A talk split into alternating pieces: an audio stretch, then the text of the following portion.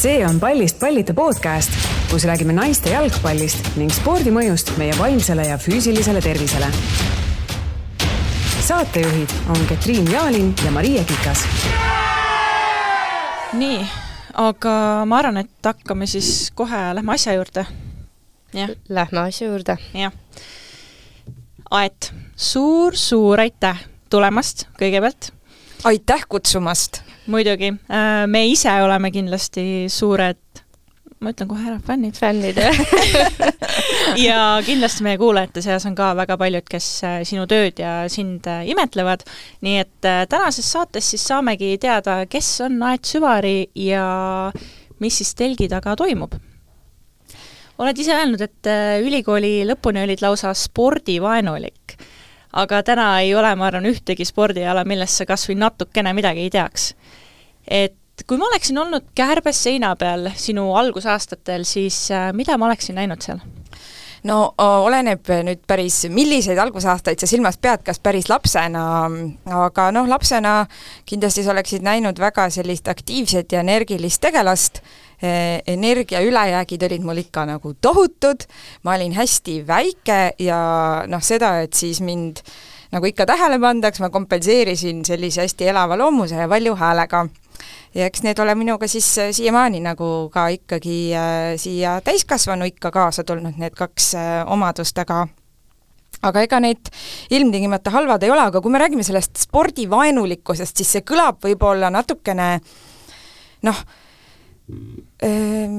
see kõlab, see on tõsi, aga see kõlab võib-olla natukene halvemini, kui see tegelikult oli, et ma olin lihtsalt spordist hästi kaugel ega osanud sellest midagi arvata ega pidada. E, ja ma ei taha selles süüdistada teisi inimesi, sest eks mind ikkagi natukene püüti spordi juurde tuua, aga ma olen täiesti kindlalt sellel seisukohal, et tegelikult peaks sport olema iga lapse elus väga väga suure osaga, väga, väga tähtsa osakaaluga ja iga last on sinna võimalik tuua selle spordi juurde ehm,. Lihtsalt sellel ajal, kui mina olin laps, mis oli suures osas ikkagi Nõukogude aeg, noh, olid nagu, ütleme, elu oli teistsugune. ja täna on kindlasti lapsi palju kergem spordi juurde tuua, kui siis, siis oli küll lihtsam tippspordi juurde võib-olla last viia, sest noh, kõik oli nagu, spordikoolide süsteem ja kõik, millest on nii palju räägitud, aga just see, et sa niimoodi nagu väikses lapses spordiarmastust kasvatad, see oli võib-olla tollel ajal keerulisem, kuigi me tõesti õues palju olime, aga jah, ma jäin kuidagi kaugeks, sest ma olin väiksem, ma olin nõrgem, ma läksin kooli kuueaastaselt, ma olin teistest noorem ja ma olin teistest pisem ma jäin igas asjas alla. Ja noh, loomulikult see ei kasvata üheski lapses seda tunnet, et aga ma ikkagi tahan seda teha, kui sa oled nagu nii palju teistest viletsam. Ja ma otsustasin, et ma valin siis midagi muud hoopis, et, et nagu teised huvid. ja ma olin tohutult uudishimulik äh, ja ma tahtsin saada tegelikult õudselt kriminaaljälituse inspektoriks aga aga seda minust ei saanud ja, ja siis see uudishimu nii-öelda läks nagu ajakirjanduse poole. No sellega ma saan ise väga palju samastuda, sest et äh, minu, minul ka spordiarmastus absoluutselt ei, no see ei käinud minuga koos, et äh, noorest peast noh, jah, ei olnud ma sportlik nagu kehaliselt ja igas võistluses alati viimane, et äh, no ma ei tea, kuidas juhtus, et ma jalgpalli juurde jõudsin üldse aga jalgpalli juures teavad sind ju inimesed juba aastaid-aastaid äh, ja noh, eks kodutöö on siin tehtud, et äh, sellises saates nagu Minu ETV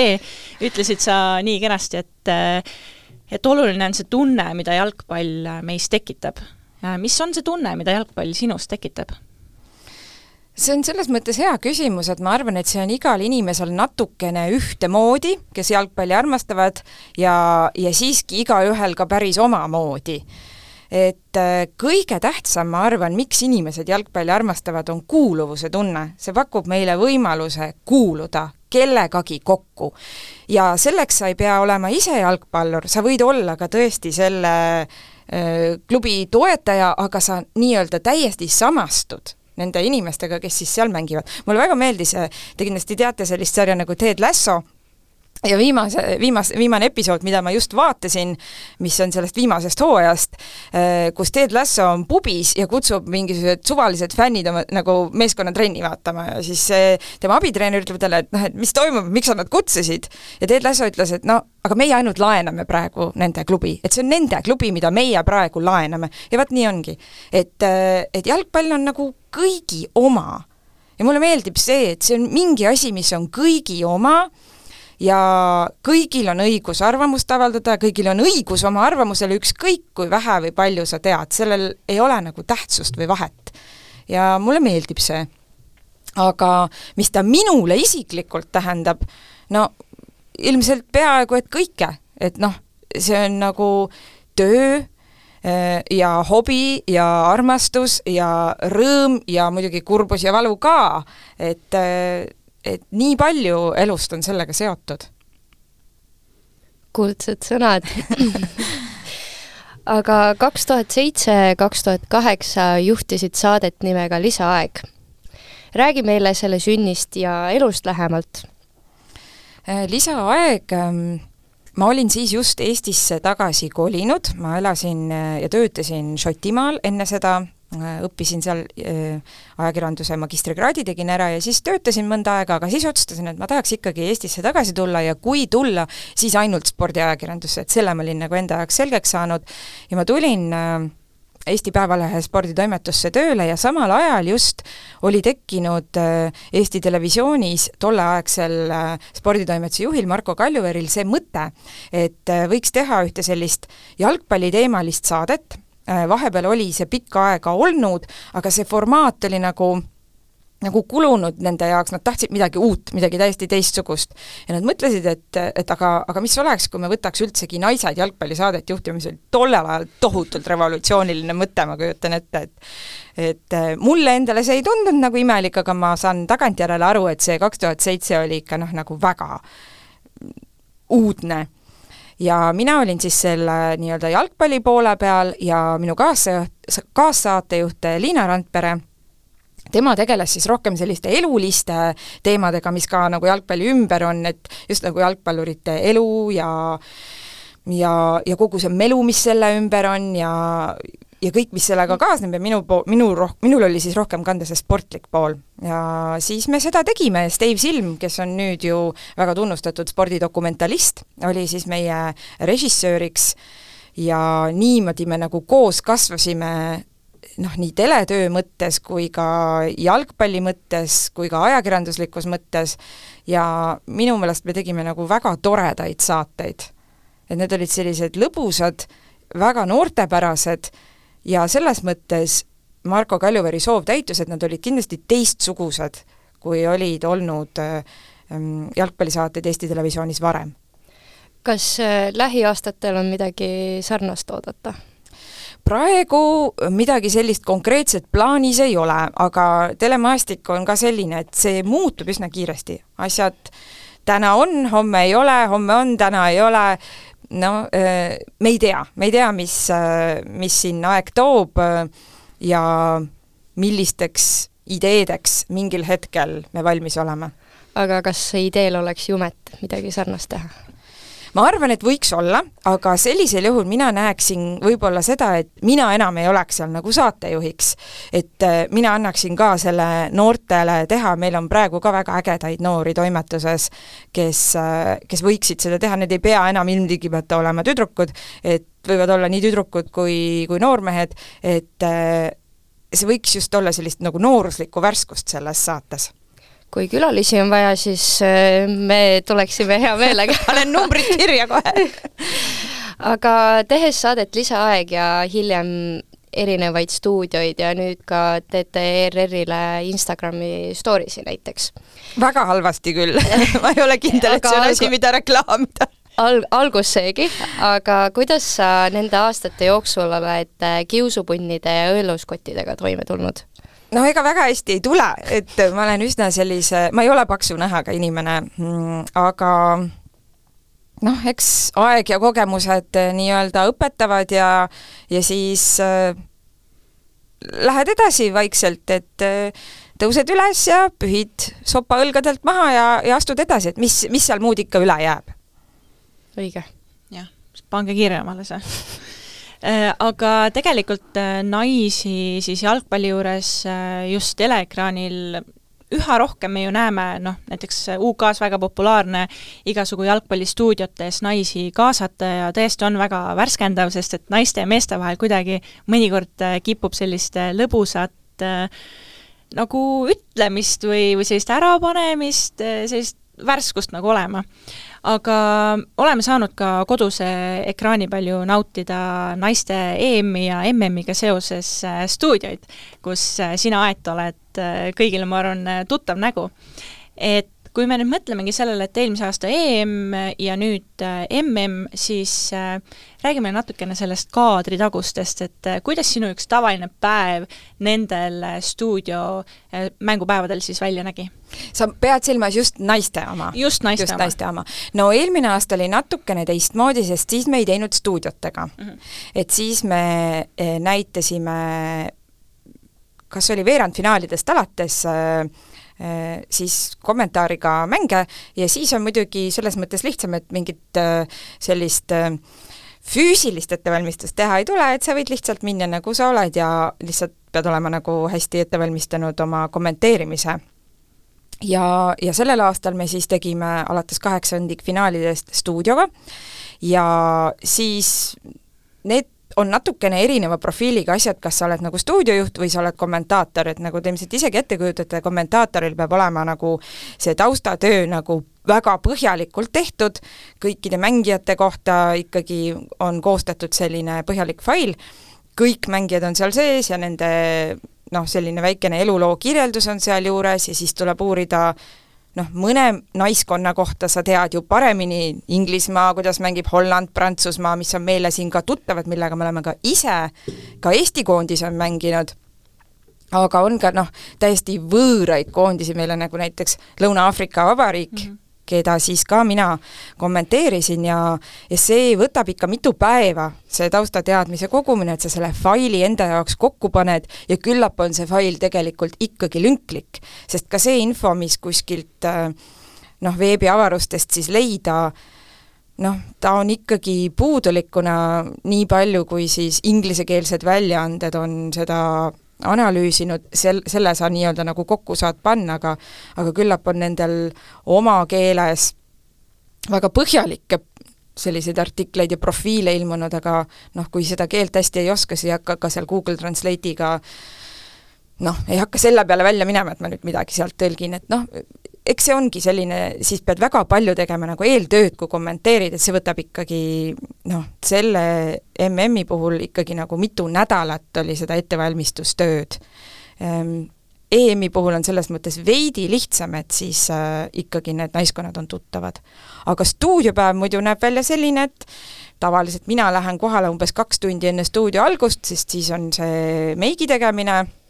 siis tulevad järjest külalised ja valmistame nendega natuke ette, ehm, hommikul olen ma ikkagi endale selle stuudio suures joones nagu paberile pannud kellaaegadega, minutitega, kuidas ma tahan, et see välja näeks, mis hetkel, mis teema sisse juhatada, et seal peab ikkagi kellaaega päris täpselt katsuma jälgida, et äh, see jutt nagu liiga laiali ei valguks, pead seda nagu koos hoidma ja pead vaatama, et, äh, et oleks ikkagi stuudios nii infot, sellist tõsist teavet ja arutelu, aga ikka nalja ka. no nalja, ma arvan, me kõik saime, nii et äh, jah, ma ise saan kindlasti öelda, et äh, väga rahule jäin nende jalgpallistuudiotega, oli väga põnev vaadata ja see oli kindlasti asi, mida kahe poolaja vahel noh, huviga vaatad ja see hoiabki selle vaataja ekraani taga, et ta ei lähe sul kuhugi vahepeal ära ja võib-olla teist poolaega ei vaatagi siis üldse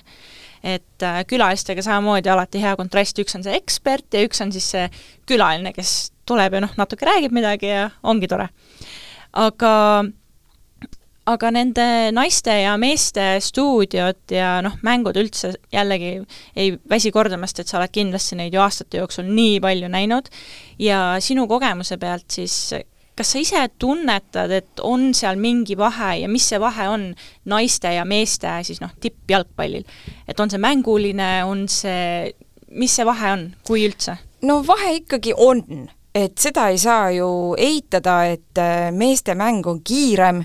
ja jõulisem, äh, et selles mõttes muidugi seal on vahe, et me ei saa öelda, et mängivad täpselt ühtemoodi ja võta nüüd see tippnaiskond ja pane tippmeeskonna vastu ja, ja see mäng on täiesti võrdne. no see noh, ei ole nii ja, ja ei, ei peagi nii olema, aga aga kui me jätame nagu kõrvale sellised füüsisest äh, tulevad detailid, siis noh, naiste mäng on tehniline aga meeste mängus võib olla sellist üldist universaalset meisterlikkust igal tasemel on veel natukene rohkem. noh, see, see ei ole ka midagi imestama pan-, panevat, et kui juba võtta kas või see, kui paljudes riikides ja kui kaua on mehed jalgpalli mänginud ja kui hiljuti on naiste jalgpall no ütleme, Rootsis on tõesti kaua mängitud, aga, aga mõnes riigis on hakatud mängima siin viisteist, kakskümmend aastat tagasi, kui suured edusammud on juba tehtud. et kui me praegu näeme siin veel teatavat vahet ja see ei ole mitte tasemevahe, aga lihtsalt vahe noh, sellises välja kujunenud meisterlikkuses, mis meestel on saanud kujuneda põlvkondade kaupa, aga naistel võib-olla ainult põlvkond või paar, siis ma arvan, et see ajapikku ühtlustub noh, tõenäoliselt ei ühtlustu tempo ja jõud, see ei saagi ühtlustada ja polegi vaja, aga mingisugune meisterlikkuse tase tõenäoliselt ühtlustub. aga mis küll on tõsi, on see, et meeste jalgpalli puhul sa ei näe noh, eelneva turniiriga võrreldes milline samm on edasi astutud, milline tohutu tasemevahe on toimunud näiteks nelja aastaga või, või siis kahe aastaga, kui, või aastaga, kui võrrelda näiteks Euroopa eh, naiskondi. Eh, meeste puhul sa seda ei näe, aga naiste puhul sa näed tõesti, see, see areng on lihtsalt nii muljetavaldav, kui sa vaatad, kui kiiresti on tehtud samm edasi, sa vaatad, see on nagu suu lahti tõesti, et veel neli aastat tagasi tehti mingisuguseid äh, elementaarseid vigu või söödueksimusi ja, ja nüüd sa, sa näed, kuidas see, see tase on tõusnud lihtsalt muljetavaldavalt jaa, on küll, ma lisaks võib-olla selle enda poolt, et äh, minu jaoks kõige suurem vahe naiste ja meeste jalgpalli vahel on ka selline vigade feikimine. et kui mehed rullivad ennast viiskümmend korda maas, siis naised pigem, pigem nagu ei tee seda, et see on äh, selline esimene asi, mis ma ütleksin, et ja on... ma tahaks loota, et nad ei hakka ka tegema, nad ei võta seda meestelt üle ja võib-olla publiku poolest ka, et äh, mida paljud äh, jälle nende suurturniiride jooksul on lapsevanemad näiteks jaganud, ja piltide pealt on ka tegelikult näha, et naiste mängudel kipub olema rohkem äh, naispealtvaatajaid, kipub olema rohkem äh, lapsi, et naiste mängud on kuidagi, see atmosfäär on nagu sõbralikum, on selline positiivne, spordi fännamisele nagu pühendatud, et seal sellist topside loopimist ja liigse alkoholi tarbimist ja kõike seda, mida meeste jalgpalli juures noh, enam ei panda imeks isegi. et sellist asja naiste jalgpallis äh, ei, ei näe ja, ja noh, samamoodi olen nõus, et ma loodan, et ka see on asi, mida me ei hakka tulevikus nägema. ma väga loodan, et ei ole, et ei tu-, ei teki mingisugused stiilis naisultrad, kes hakkavad kuskil mingi huligaanitsema, et praegu on tõesti see, see atmosfäär on peresõbralik mm, -hmm. ma mhm. ütleks, et Inglismaal mul oli võimalik eelmine aasta käia vaatamas kahte veerandfinaali mängu ja see oli hoopis teine atmosfäär kui Inglismaal vaadates meeste mängu, see on noh, see vahe on lihtsalt mäekõrgune mm. -hmm. ja seal ka võib-olla selliste vastastiimide või siis äh, nende underdogide äh, toetamist äh, on ka kuidagi rohkem näha, et meestel jällegi noh, võib-olla mitte kõikide tiimide juures, aga kipub olema sellist väga tugevat kontrasti, et meie toetame seda tiimi, ainult seda tiimi ja meie toetame seda teist ja alati tekib mingi hõõrumine, mingi selline noh, negatiivsus tuleb nagu ikkagi õhku. aga naiste puhul tihti võib kohata, et äh, fännatakse mitmeid erinevaid tiime, kui isegi vastane kaotab, aga noh, oli tõesti kena mäng ja kõik, et äh, näidatakse rohkem seda toetust nii siis äh, staadionil olles, kui siis noh, hiljem sotsiaalmeedias ka, et väga, väga palju jälle turniiride jooksul on tulnud üles neid inimeste postitusi või selliseid sõnavõtte, et noh, ikkagi plaksutatakse sellele tiimile, kes, kes tegi hea esituse ja, ja kellel on nagu head sisu agressiivsust on kindlasti palju vähem naiste jalgpalli, naiste jalgpallil kaasaelamise puhul. Ja selles mõttes, et äh, mõned võivad siin ju nüüd öelda, mõned sellised väga karvase rinnaga machod, et mis asja, et see on meeste mäng ja nii asjad käivad, aga kui me vaatame ka seda, et kui paljud meesjalgpallurid äh, on äh, noh, ise tunnistanud, kuidas nad näiteks kannatavad äh, ka küberkiusu all ja et see ei ole normaalne, see ei ole okei okay, mm, -hmm. et pärast mängu hakatakse sind Twitteris nagu äh, noh, mitte lihtsalt mõnitama, aga lausa noh, surmaähvardusi mm -hmm. sulle saatma, siis äh, ma loodan küll, et me sellised asjad juurime välja noh, mitte üksnes, et äh, naiste jalgpallist või meeste jalgpallist, aga üldse jalgpallist, sellel ei ole kohta no üldse spordis, ma arvan tegelikult, eks, et lihtsalt tiimispordis äh, mõtled küll, et äh, noh, tiim, mitu inimest ju, suur hulk inimesi, et aga ikkagi nopitakse ju välja mingid kindlad nagu indiviidid, kelle kallal siis kas siis mängu tõttu, kuidas nad mängivad või nii-öelda tiimi alt veavad, või siis ei meeldi kellegi välimus kellelegi, et alati midagi leitakse, kelle või mille kallal nagu nokkida. et äh, seda ka jah, tõesti, juurime välja, noh, aitab. Õnneks Eestis on ikkagi pigem vähe seda mm, -hmm. kui võrrelda näiteks UK-ga, et äh, praegu on, ma arvan, et on hästi veel. no Ühendkuningriigi on nii suur, see on nii suur riik lihtsalt, et meie oleme oma väiksuses nii-öelda, meil on seda anonüümsust vähem ja seetõttu see ka hoiab ära sellist väga jõhkrat äh, kiusamist mm. -hmm aga kui me nüüd liigume koduse naiste jalgpalli juurde, et äh, sa oled aastaid ju Eesti naistekoondist äh, kajastanud ja natuke ka meistriliigat, et äh, mis muutusi sa oled täheldanud?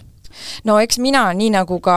meie naistekoondislased, üldse naisjalgpallurid, ka need, kes ei ole praegu veel jõudnud koondise tasemele, ütlevad ikka sedasama, et väikeste sammudega liigutakse, aga tase siiski tõuseb. me ei näe siin võib-olla sellist kiiret mäekõrgust hüpet äh, nagu noh, päris maailma tasemel, aga me näeme, et see asi liigub edasi, läheb paremaks, muutub aina professionaalsemaks ja ma arvan, et me näeksime tõesti sellist olulist kvalitatiivset hüpet just siis, kui meil tuleks rohkem proffe juurde. ja ma olen nõus, aga mille taha see arengukiirus jääb ikkagi, et okei okay,, profid, see on ju tegelikult ainult üks pool. et mis sinu hinnangul veel on nagu puudu naiste jalgpallis? Ma pakun, et eks ta ole ikka nii, et praegu on äh, sellised äh, noh, selline noortetöö teravik olnud rohkem suunatud meestele. ja kui sul ei tule peale mitte nagu üks, kaks, kolm head tüdrukut, vaid sulle peab tulema peale neid terve meretäis, et siis nende seast noppida need paremad. see on see nii-öelda see meie eliidiprojekt, mis on, mis on meeste puhul ju juba siin kümmekond aastat kindlasti töös olnud, et üle Eesti kogutakse need äh, säravamad noored kokku, et et kindlasti sellist asja on vaja rohkem ka tüdrukutes, on vaja lihtsalt rohkem tüdrukuid tuua, massi on vaja taha, et siis selle massi pealt nii-öelda tekiks see, see parim. ja see nõuabki väga süsteemset tööd, see nõuab noorte tööd, see nõuab ka seda, et meil on äh, head ja kvaliteetsed treenerid, äh, ja noh, muidugi väga sageli on nii, et meil on küll need head ja kvaliteetsed treenerid, aga neid on raske hoida selle töö juures, sest et paratamatult tasud on tillukesed ja ja ühest hetkest siis treenerid nii-öelda liiguvad liiguvad parema palga peale, et noh, see on valus teema ja mitte ainult äh, naiste jalgpallis ja üldse mitte ka ainult jalgpallis, üldse Eestis, et see on nagu keeruline, aga noh, see on lihtsalt, see nõuab lihtsalt hästi pikka järjepidevat tööd ja ka kannatlikkust. meile öeldakse sageli, et viis aastat on tehtud, miks me juba tulemusi ei näe? no viis aastat on liiga väike aeg. et see peab olema kakskümmend viis aastat ja kogu aeg järjepidevalt, püsivalt nähakse vaeva ja et on inimene, kes sellesse nagu panustab. Eestis ei ole meil vaja, et on seal taga mingi tohutu suur tiim mõnest inimesest piisab, kes on hingega, südamega asja juures ja veavad ja tõmbavad ja, ja, ja vot seda on hästi vaja. jah, nõus aga lisaks sellele, et mis veel peaks muutuma, et äh, näiteks Eesti naiste meistriliiga mänge näiteks näeme nüüd telekas iga kahe nädala tagant, mis peaks muutuma? sa mõtled kohe nagu päris televisioonis? jah. selle, see nõuab ka ikkagi hästi olulist äh, taseme tõusu, kvalitatiivset hüpet tasemes, äh, äh, noh, sest paratamatult on nii, et äh, turumajanduses turg määrab kõik. kui sul ei ole turgu, ehk sul ei ole seda vaatajat seal taga, kui sul ei ole neid numbreid seal taga, siis äh, noh, sellise asja tootmine teatavasti on väga kallis, üldse väljas, mäng, kõik, sa pead sinna tooma kaamerad, kaameramehed, kõik, kogu see asi, see, see maksab tohutu raha siis on nii, et, et noh, et lihtsalt pannakse kõrvuti need vaatajanumbrid ja teisel poole need rahanumbrid ja leitakse, et noh, see ei tasu ära. et kui on teada, et sul tuleb oluline mass vaatajaid taha, siis ilmselt hakatakse seda ka kaaluma. oluline mass vaatajaid tuleb taha, kui sul on kõrge tase ja head, head nimed, staarid, kes mängivad, et, et siis ja noh, sellist põnevust, ägedat nagu sellist, et ei tea, kes võidab ja mitte ainult üks või kaks klubi, vaid et sul on nagu konkurentsis noh, võib-olla kolm või neli, kes võiksid võita. et ma usun, et siis võiks see võimalik olla. aga noh, praegusel hetkel me oleme sellest veel ikkagi natuke kaugel ma küsin siia vahele siis, et äh, aga kuidas nende meestemängudel, et kas, kas on näha, et Eesti rahvast siis huvitavad need mängud, et, et kuidas need vaatajanumbrid, päris numbreid sa ei pea ütlema, aga suures pildis noh, ma arvan, et eks te kujutate ise ka üsna hästi ette mm,. et ähm, huvitavad küll, me ei saa öelda, et ei huvita, Eesti rahvast ei huvita. huvitavad muidugi, aga mingisuguseid müstilisi numbreid me ju ka ei näe, ega see pole ka saladus. et ähm, sellistel noh, tippmängudel Flora, Levadia, Kalju, Paide, kui need omavahel esinelik on äh, või ütleme siis eelmiste aastate esinelik mm -hmm. on vastamisi, siis äh, võib see huvi olla suurem, aga me noh, peame siin ka meeles pidama, et et ega siis äh, jalgpall ei konkureeri siin ainult ma ei tea, teiste telekanalitega või, või, või teiste saadetega, mis samal ajal on telekanalis, aga nendega muidugi ka, või, või ma ei tea, teiste spordialadega, aga üldse kõigega, mida on võimalik teha ja noh, kui sul on suveõhtu ja sul on valida, et kas sa istud kodus ja vaatad Narva Trans FC Kuressaare või sa lähed äh, sõpradega, ma ei tea, õue või randa või metsa seenele, siis noh, nii ta on, et, et konkurents on äh, igal, igal asjal, igal alal, aga aga noh, meil on ka õnneks see asi, et et ähm, me, me ei pea mõtlema ainult numbrite peale, sest meil ei ole vaja nagu reklaamiandjale seda näidata, et näed, me nüüd niisugused reitingud oleme saanud, aga et noh, et natukene on siiski ka noh, ühiskondlikult äh, tähtis see, et ikkagi meie enda liigasid äh, ka nii-öelda hoida nagu rahva silme ees ja teadvustada, äh, sest äh, see on meie ainus Eesti, see on meie ainus jalgpall, ega meil kuskilt mujalt midagi noh, võtta ei ole, et see on nüüd see, mis meil on. jaa äh,, selles suhtes, et rääkides massidest ja üldse publiku arvust, siis kuidas sulle tundub, kas äh, naised ei mängi piisavalt head jalgpalli praegu, et inimesed kohale tuleksid? et praegu on need numbrid väga kehvakesed et tegelikult ka noh, meestel on noh, ka natukene see probleem, et ei tule liiga palju rahvast kohale, aga kuidas me saame selle äh, rahva naistemängudele ka? et mis, mis peaks tegema? mina küll ei, ei taha öelda nagu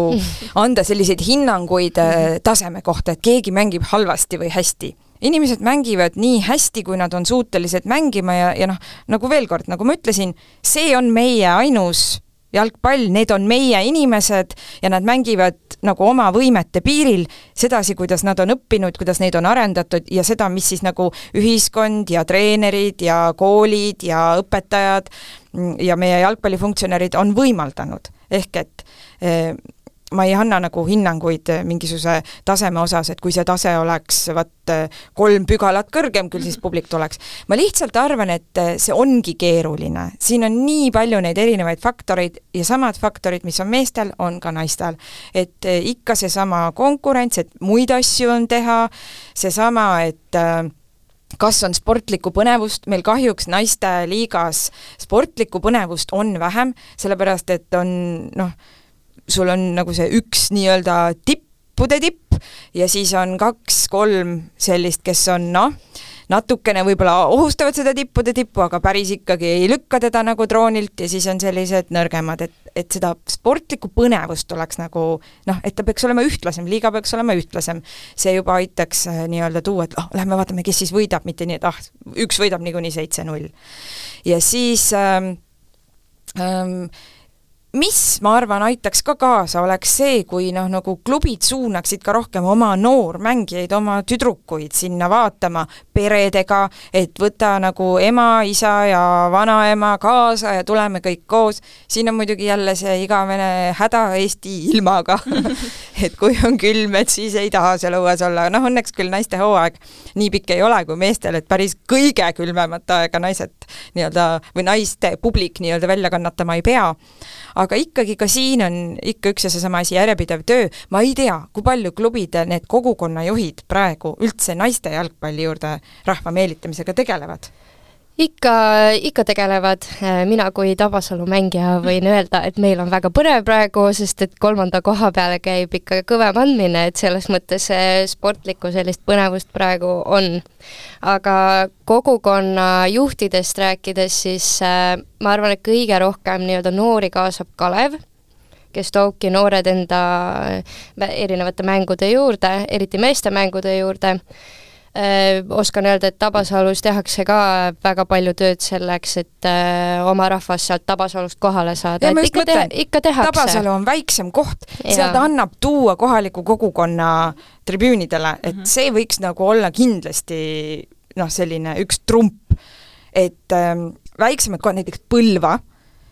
too Põlva rahvas ometi nagu vaatama seda Põlva naiste jalkat või mm. Pärnu rahvas, noh okei okay,, Pärnus on tõesti ka väga-väga-väga palju muud teha, aga siiski neid kohti on, et too see väiksema koha rahvas ja, ja, ja tooda sinna nagu selja taha nendele naiskondadele, et see on minu meelest äh, küll üks potentsiaal no tegelikult äh, Sakul ju ka pigem on selline hea kogukond, käiakse lausa trummidega kohal, et äh, ma arvan, et sellega ma olen väga nõus, et kuidagi need väiksemad kohad, mis ei ole, noh, siin Tallinna piirkonnas on ju nii palju neid klubisid tegelikult, et kui sul on linnas, ongi noh, Kalev on ju, ma ei tea, Levadia, kui nemad mängivad, äh, Flora, oh, neid klubisid on palju, et siis ongi võib-olla raske ka inimestel valida, okei okay,, kuhu ma lähen, mis klubi juurde ma justkui kuulun siis nagu fännina, et äh, väiksemas kogukonnas on sul juba lihtsam valik sinu eest tehtud, ütleme nii. Et, äh, et võib-olla kui minna tagasi korraks sinna, et noh, mis me tegema peaks, et naistemänge näidataks, et rahvas tunneks huvi, siis võib-olla nagu sa ütlesid, viis aastat on nagu väga väike aeg, et mingit suurt hüpet teha jalgpalli mõttes, aga viis aastat, ma arvan, on piisav aeg, et teha mingit muutust just nagu siis kogukonnas või sellises ühtekuuluvuses, just see, tooma noored, tooma noored koos peredega, et sellist aktiivsemat tööd küll, küll nagu kindlasti tahaks näha, tahaks näha, et keegi noh, kas või sotsiaalmeedias on ju, et et oleks siin ja seal, et pigem pane rohkem seda materjali sinna, kui et paned vähem või ei pane üldse, et äh, aga ma tegelikult arvan, et näiteks need naiste suurturniirid mm, -hmm. mida meie oleme nüüd ka näidanud, et need võiksid ka olla üks nagu magnet, et tüdrukud vaatavad, mõtlevad, äge, see on äge, mida ma seal näen. me võime ju seda siin Eestis oma nagu väiksemas mullis nii-öelda äh, üritada taastoota, me võime teha ka, et meil oleks ka niisugune äge publik ja niisugune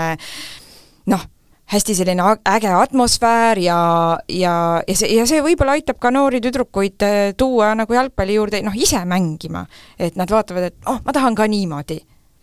no tegelikult äh, need raportid, mis on ju peale suurturniire välja tulnud äh, nii siis Inglismaal kui nüüd Austraalias, no see number, mis mis sealt nagu näha on, et kui suur on olnud tegelikult see noh, publiku kasv üks asi ja teine asi, reaalselt registreeritud siis mängijad, äh, noh, nii noored kui siis ka täiskasvanud äh, noorukid, kes reaalselt lähevadki trenni peale seda, kui need suurturniirid on ära olnud.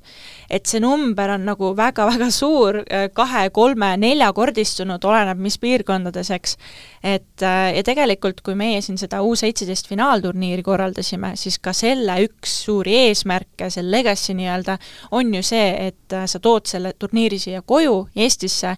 ja on noored, kes siis saavad sellest inspiratsiooni ja iga mäng mitte ükski mäng ilmselgelt tühise publiku tribüüni ei olnud, käisin mina Võrus näiteks äh, oma võistkonnaga seal äh, ja seal oli publiku arv vist Võrus oli üks parimaid, sest jälle noh, väike kogukond, eks, et tullakse, koolilapsed, mingi direktor isegi oli seal pileteid küsinud, et äh, andke meile kooli, et me tuleme terve kooliga. et sellist initsiatiivi, et oleks, oleks rohkem, oleks neid inimesi, kes, kes nagu hoolivad ja ma arvan ise, et tegelikult ka palju ongi noorte puhul algab ju kodust, et äh, kuidas vanemad sellesse suhtuvad, kuidas nemad suunavad, et sellist äh, harimist või sellist ennetustööd või kuidagi just vanemate puhul nagu et me peaksimegi looma sellise parema jalgpallikultuuri üleüldse mm. -hmm. ja, ja siin me jõuame jälle tagasi sellesama juurde, millega me mõnes mõttes juttu alustasime, kus mina ütlesin, et iga last on võimalik panna sporti armastama, iga last on võimalik sinna tõmmata, sa pead temas lihtsalt tekitama selle entusiasmi ja innu, et ta tahab, et tal lähevad silmad särama, see ei tähenda, et ta peab ise mängima, kui ta ei taha mängida, aga võib-olla ta tahab pallitüdruk olla, võib-olla ta tahab tribüünil kaasa elada või ma ei tea, vaheajal seda tantsu teha väljaku peal, mis noh, küll ei käi põhimõtteliselt meil siin jalgpallikultuuri juurde, aga miks mitte, kui see toob inimesed nii-öelda jalgpallile lähemale -hmm. kõike võib. muidugi, ma olen väga nõus jah, selle, selle suure võibki sellega võib-olla kokku võtta, et äh, jalgpallilist edasiminekut noh, seda ootame natukene veel, äh, on vaja seda järjepidevat tööd, aga aga igas episoodis meile meeldib teha üleskutse, nii et siit ma teeksin esimese üleskutse ja see üleskutse oleks, et äh, minge mänge vaatama. sa ei pea olema selle kindla võistkonna võib-olla suur fänn isegi, aga mine vaata, mis seal toimub ja võta sõbrad kaasa, sest see on kõige toredam. just, sõpradega on alati teine atmosfäär. üksi on jah, võib-olla külm kükitada seal jaa, aga noh, noortest me oleme siin saanud rääkida ja, ja ka sellest äh, telenumbritest ja asjadest ja ja ma leidsin jälle sellise huvitava asja, et sa käisid äh, Hobumaailma podcastis, vastab tõele? vastab küll, jaa. väga huvitav kuulamine, soovitan kõigil kuulata soojalt. see hobuste teema, sellest võib veel pikalt mõni teine kord rääkida, ma ise ka suur hobusesõber aga, aga seal siis ka oli teil jutuks ikkagi see, et äh, noored telerit ette ja, ja noh, et kuidas me saame, millega me saame need noored inimesed äh, siis nüüd Eesti Televisiooni või üldse telerit nagu vaatama, et äh, palju ollakse pigem nagu sotsiaalmeedias, et see muutus on tükk aega tagasi juba toimunud tegelikult, eks, et äh, liigutakse sotsiaalmeediasse telerite tagant, aga sina kui tuli hinge, hingeline jälle spordiinimene, teleinimene, et on seal mingi asi, mida sina näed, et äh, kuidas me saame või kas üldse saame või ongi aeg muutunud lihtsalt, kuidas me nüüd saame noore inimese sinna teleri taha? Ma arvan, et äh, noort inimest on tõesti raske saada vaatama sellist lineaarset televisiooni, sest äh, noh, lineaarne televisioon on siis see, et telekavaga, inimene võtab telekava, vaatab, ahah, kell üks on mul see saade ja hakkab seda vaatama, noh, see, kui palju seda üldse tänapäeval tehakse, vanemad inimesed muidugi teevad, aga meie kõik oleme, no vähemalt mina, ma ei saa ennast teiega nagu panna ühte, sest ma olen ka natuke teine põlvkond, aga mina olen harjunud äh, noh, järelvaatamisega, aga aga nooremad inimesed äh, võib-olla üldse enam telerit nii väga ei tarbi, neil on juba need voogedastusplatvormid rohkem, Youtube'id, ja siis on küllalt palju ilmselt ka neid, kes üldse telekat ei vaata, kes äh, saavad oma info kõik kusagilt mujalt, aga äh, mina arvan, et ilmtingimata kohutavalt selle nimel pingutama ei pea, et nüüd see hästi noor inimene sinna teleri ette tuua. võib-olla lapsed vaatavadki natuke liiga palju äh, telerit, no tegelikult ma ei tea, või, võib-olla ma ka teen liiga, võib-olla et ei vaata, aga mul on lihtsalt selline tunne, et see laste selline nagu multikamaailm ja, ja Youtube'i maailm, et see võib-olla on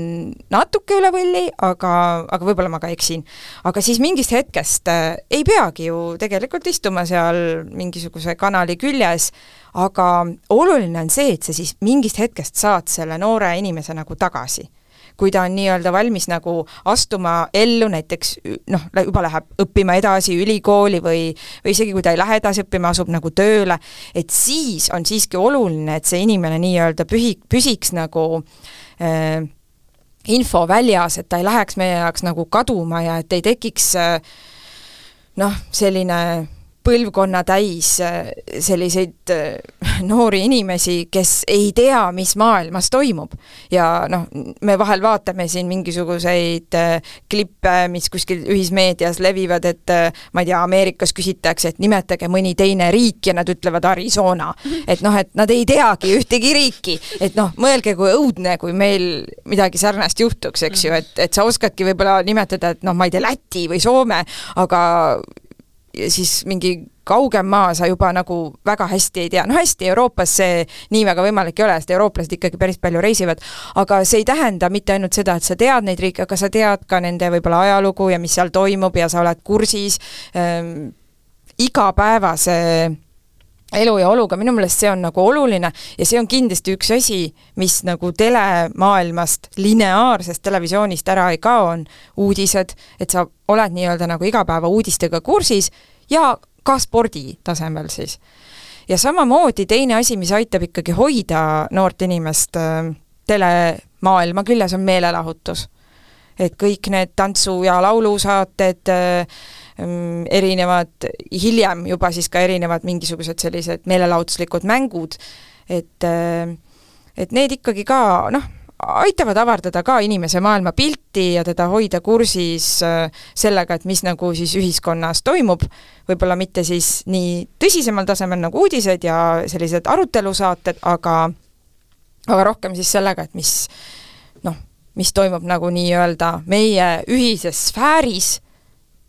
et igaühel on loomulikult ka tema enda mingid sügavamad huvid, aga hea on alati teada, et mis ikkagi siis ühiskonnas toimub. No sada protsenti nõus ja ma ise kuidagi arvan, et äh, kui sa ei ole harjunud vaatama äh, telekanaleid või ühte kindlat kanalit või üldse, mida näiteks ERR toodab, on ju, et kui sa ei ole harjunud seda vaatama, siis kuidagi minu silmis see tõenäosus, et sa nüüd avad teleka ainult selleks, et vaadata seda ühte, ma ei tea, meistriliiga mängu näiteks, et ka see tõenäosus langeb. kindlasti langeb. jah, et, äh, et siis ongi see, et noh,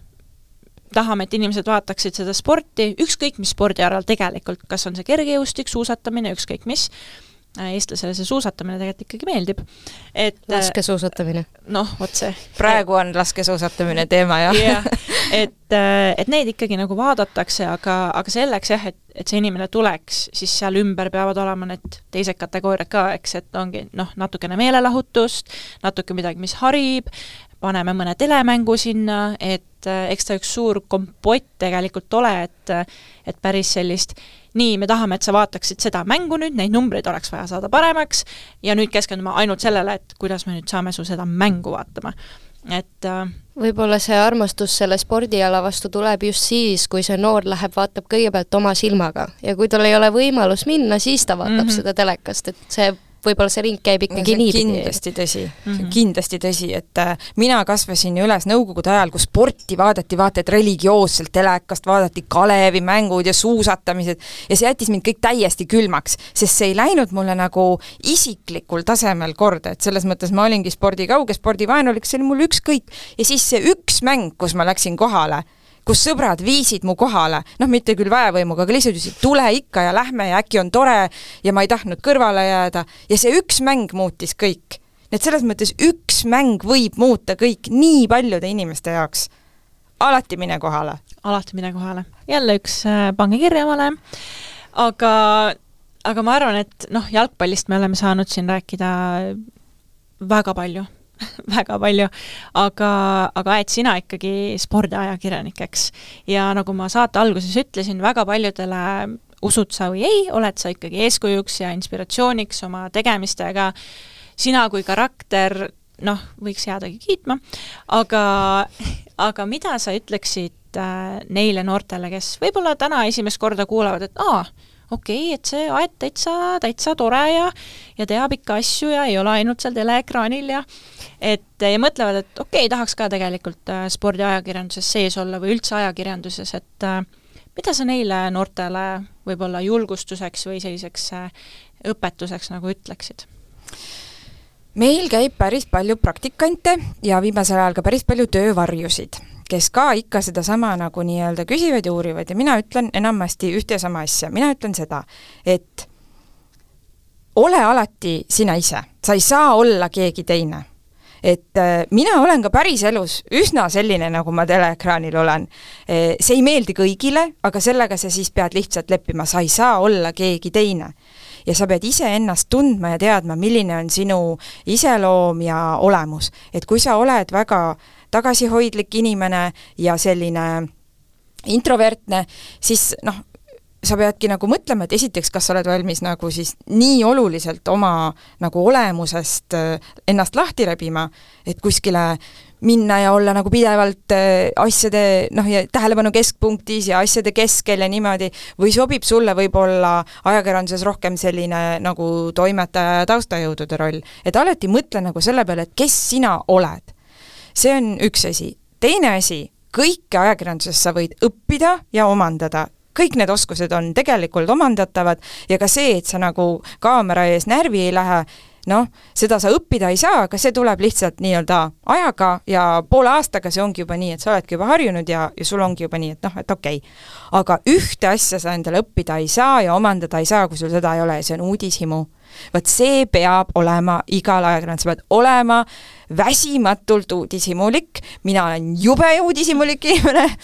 Kohe ütlen ära kõigile, kes kuulavad, et kui te istute lennukis või trammis minu kõrval ja vaatate midagi telefonist, siis mina ikka ühe silmaga sinna kiikan, et mida see inimene sealt vaatab. olen jube-jube uudishimulik ja see on mind nagu ajakirjanduses ka nagu edasi viinud, et ma tahan nagu alati noh, nagu noh, oma nina toppida või kuidagi noh, teada, et mis siis seal toimub või kes mida ütles või räägi nüüd või kuidagi noh, et see on kindlasti oluline ajakirjanikule, sest kui sind ei huvita teised inimesed, mis neil on öelda, äh, millised nad on, äh, siis, siis see kõik on lihtsalt nagu selline tuim nühkimine ja sa ei jõuagi sellega kuhugi, sa võid selle mikrofoni talle ninna alla panna, aga kui sind ei huvita, mida ta sulle tegelikult vastab, siis äh, noh, siis ei ole nagu mõtet. et need on need kaks asja, endaks jäämine ja uudishimu. pange kirja. pange kirja no suurepärane, ma loodan, et mõni spordiajakirjanduse või ajakirjanduse Äh, fänn tuli siit ka juurde, sügis ju käes, eks, et äh, koolis nüüd saavad äh, keskenduda ja panna oma mõtted sinna, et kevadel ma teen sisseastumiseksamid ja ma lähen ajakirjandust õppima. suurepärane.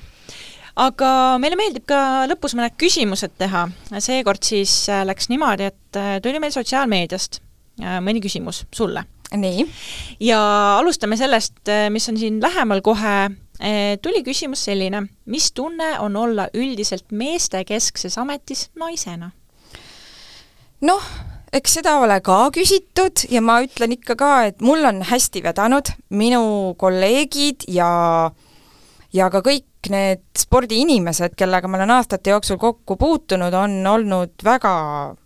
normaalsed, noh, mis mõttes normaalsed, on olnud sellised tavalised inimesed, et ei ole olnud mingisuguseid jobud, ühesõnaga, kõik on olnud alati minu suhtes väga mõistev, aga samal ajal on muidugi ka tõsi see, et ega ähm, kui sa lased endast nagu üle sõita, siis sa kaugele ei jõua, et ennast peab kehtestama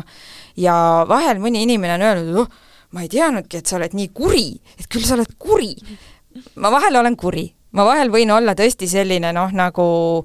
äh, isegi kohati nagu selline agressiivne ja noh, noh, ma ütlen nii, ma, ma oskan enda eest seista ka, et ega ma ei lase endast üle sõita, aga ma üldiselt olen ikkagi lahke. et äh, ma arvan, et äh, ongi need kaks äh, omadust, et ole alati lahke, ole alati avatud, aga ära lase endale nagu peale istuda. see kehtib ilmselt ükskõik mis elualal. kindlasti. jah, jälle pange kirja, noh. siin tuleb ikka kuldseid asju siis tuli selline huvitav küsimus et äh, Aet, kas äh, saali jalgpalli ka mängima lähed no ütleme niimoodi, et mul on meeles üks naljakas kõne, mis ma sain, kui ma olin just Eesti Ekspressi tööle läinud, ma olin kahekümne ühe aastane ma ei mäleta, mis kontekstis, tõenäoliselt selles kontekstis ma olin nagu just nagu jalka leidnud enda elus ja ma olin hästi suur fänn ja ja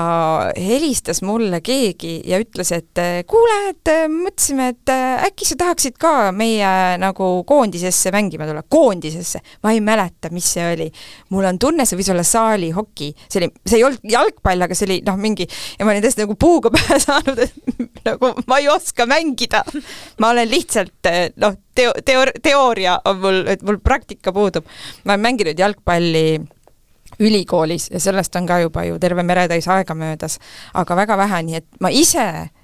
eh, ma ise, ma pean ausalt kä-, käsi südamel tunnistama, eriline mängija ei ole, et mul sellist nagu kiirust ei ole ja tehnika puudub täiesti ja aga noh, mul on nagu sellist nagu noh, süda on nagu asja sees no,, aga see on ka kahjuks kõik aga see on oluline, süda on väga oluline. ja siia lõpetuseks